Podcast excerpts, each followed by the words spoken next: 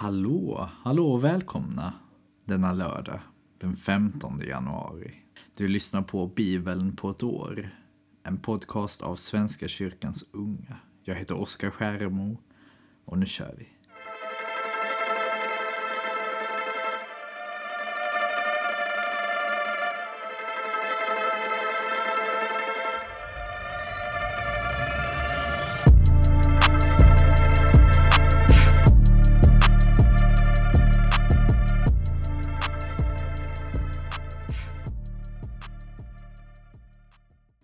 Vi börjar med att be som vanligt. Tack Gud för denna lördag. Tack för denna helg. Tack för vilan som du skänker oss. Tack för att du leder oss, gläds med oss, tröstar oss, bär oss. Var med i denna läsning. Hjälp oss lära känna dig bättre, Gud. I Jesu namn. Amen. Vi börjar med Första Mosebok kapitel 31, vers 17 till kapitel 32, vers 12. Då bröt Jakob upp och lät sina barn och hustrur sitta upp på kamelerna. Han förde med sig all sin boskap och alla ägodelar han hade förvärvat, den boskap han hade förvärvat i Padanaram. Han skulle nu bege sig till sin far Isak i Kanan. Laban var borta och klippte sina får och så kunde Rakel stjäla med sig sin fars husgudar. Jakob lurade aramén Laban och talade inte om för honom att han tänkte ge sig iväg. Han gav sig iväg med allt han hade. Han gick över Eufrat och ställde färden mot Gileads bergsbygd. På tredje dagen fick Laban veta att Jakob hade flytt. Då tog han med sig männen i sin släkt och satte efter honom och efter sju dagar hade han hunnit ifatt honom i Gileads bergsbygd. Men på natten kom Gud till armén Laban i en dröm och sade till honom Akta dig för att säga ett enda ord till Jakob. När nu Laban han upp Jakob hade Jakob slagit läger i bergen. Också Laban och hans män slog läger i Gileads bergsbygd. Laban sade till Jakob Vad är nu detta?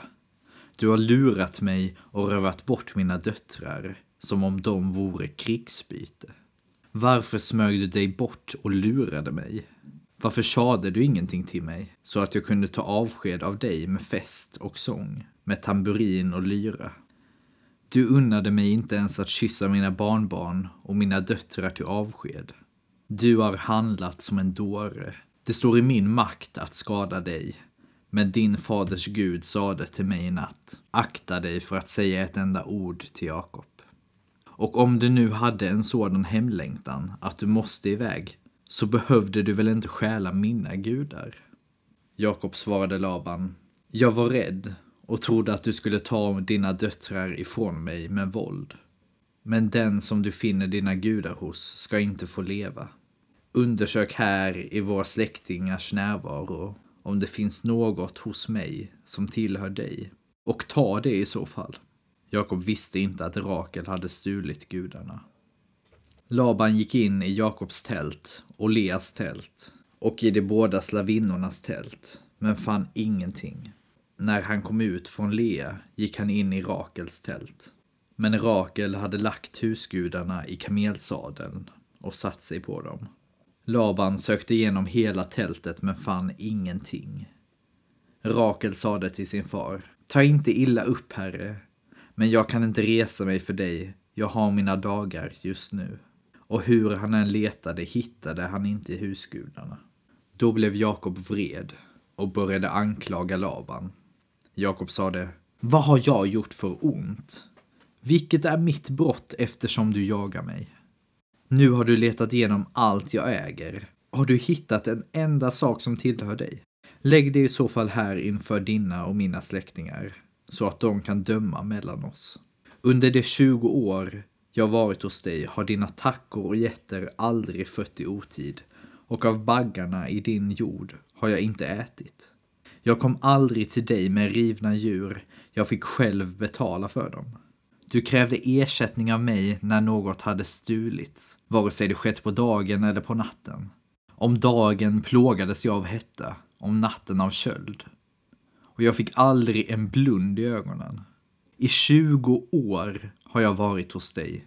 14 år arbetade jag åt dig för dina båda döttrar och sex år för dina får och getter.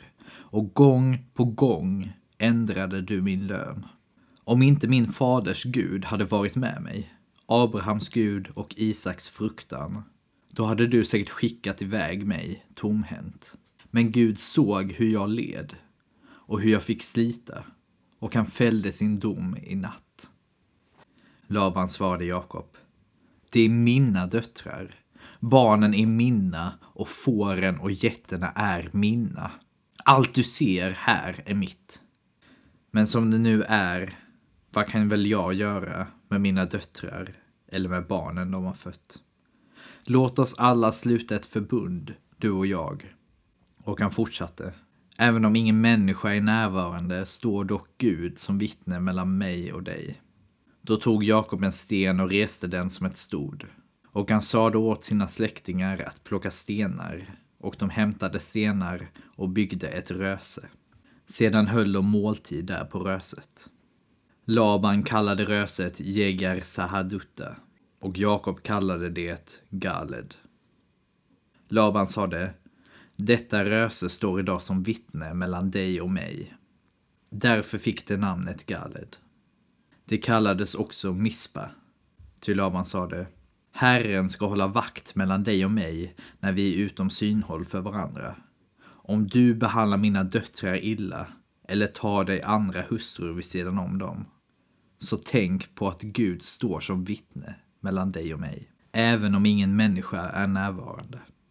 Laban sade till Jakob, här är detta röse och här är stenstoden som jag har rest mellan dig och mig. De är vittnen, detta röse och stoden. Jag ska inte passera detta röse på väg mot dig med ont uppsåt. Och du ska inte passera röset och stoden på väg mot mig med ont uppsåt. Må Abrahams Gud och Nashors Gud döma mellan oss. Och Jakob svor eden vid honom som hans far Isak fruktade. Han offrade slaktoffer på berget och inbjöd sina släktingar till en måltid. De åt och stannade sedan på berget över natten. Tidigt nästa morgon kysste Laban sina barnbarn och sina döttrar till avsked och välsignade dem. Sedan återvände han hem.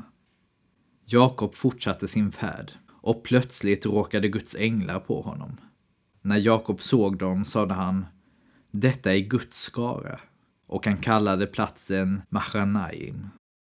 Jakob skickade budbärare i förväg till sin bror Esau i Seir, det vill säga landet Edom, med detta uppdrag. Säg till min herre Esau, så säger din tjänare Jakob. Jag har varit hos Laban och bott där borta ända tills nu.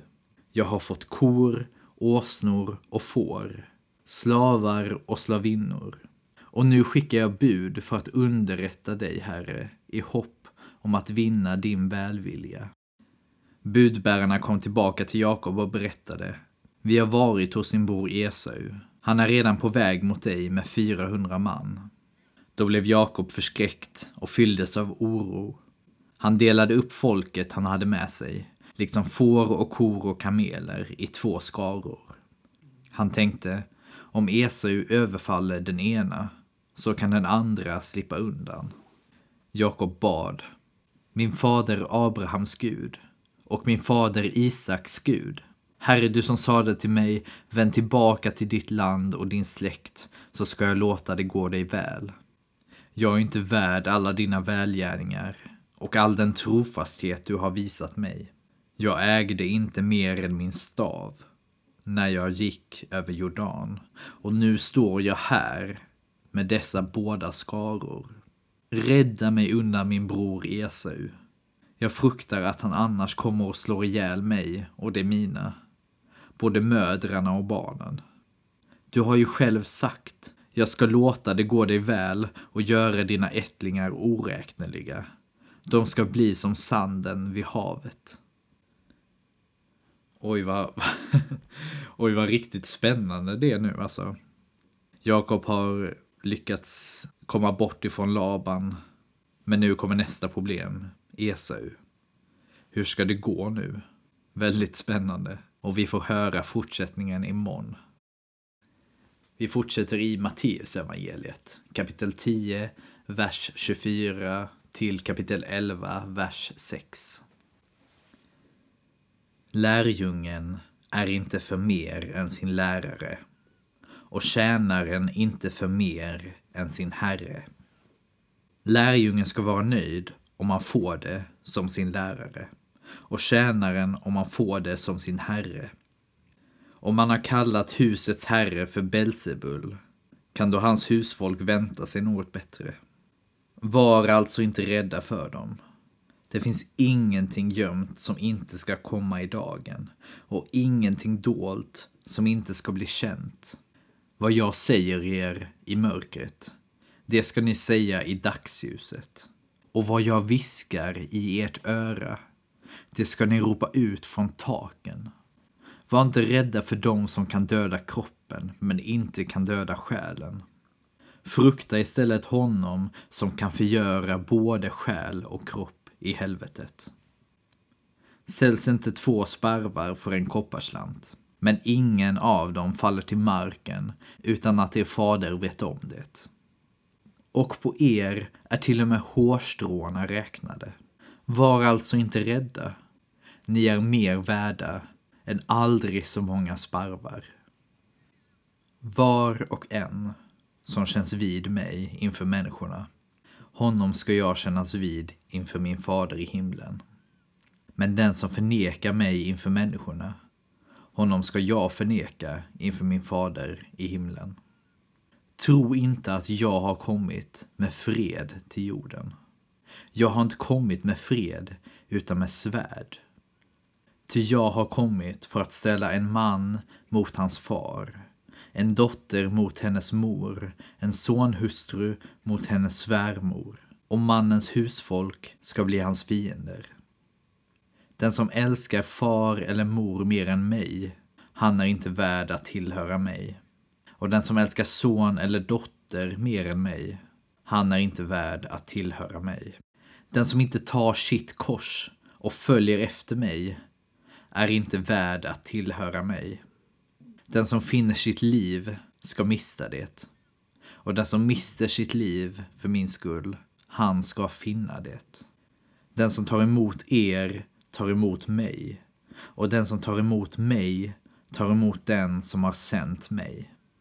Den som tar emot en profet därför att det är en profet, han ska få en profets lön.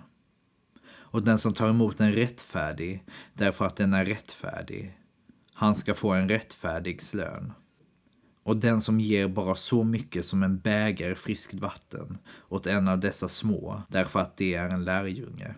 Sannerligen, han ska inte gå miste om sin lön.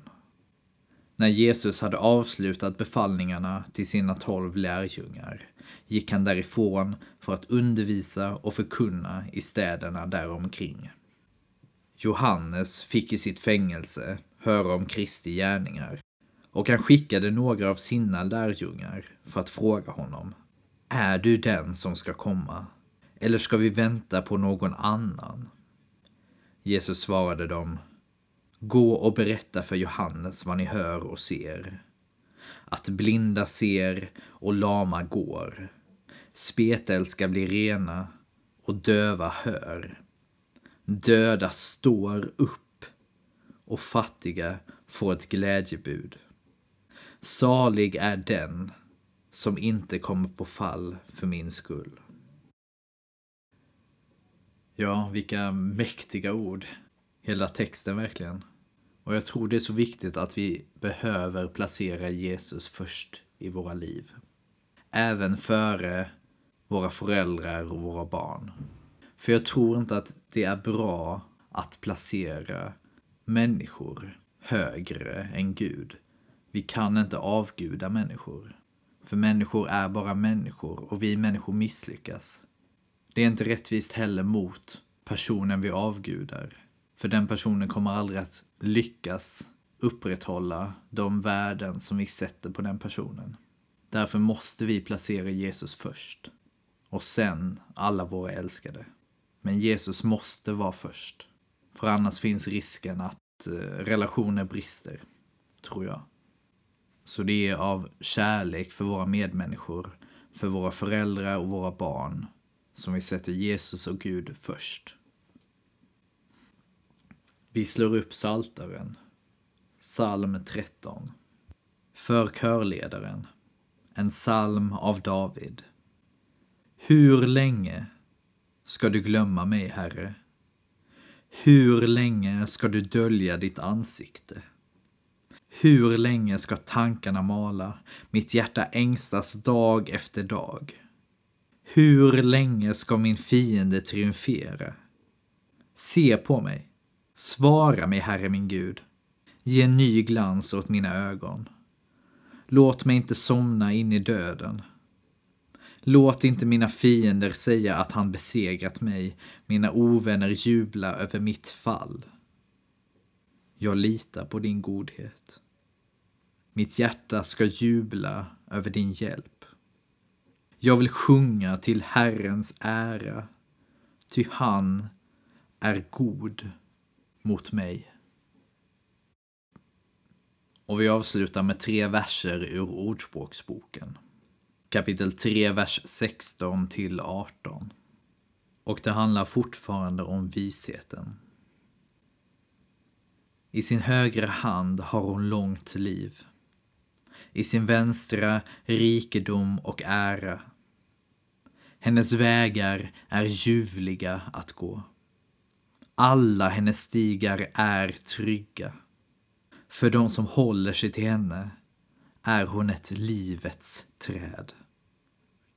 Lycklig den som håller fast vid henne. Det var dagens läsning. Jag hoppas att du har en underbar lördag. Så ses vi imorgon. Ha det fint. Hej då.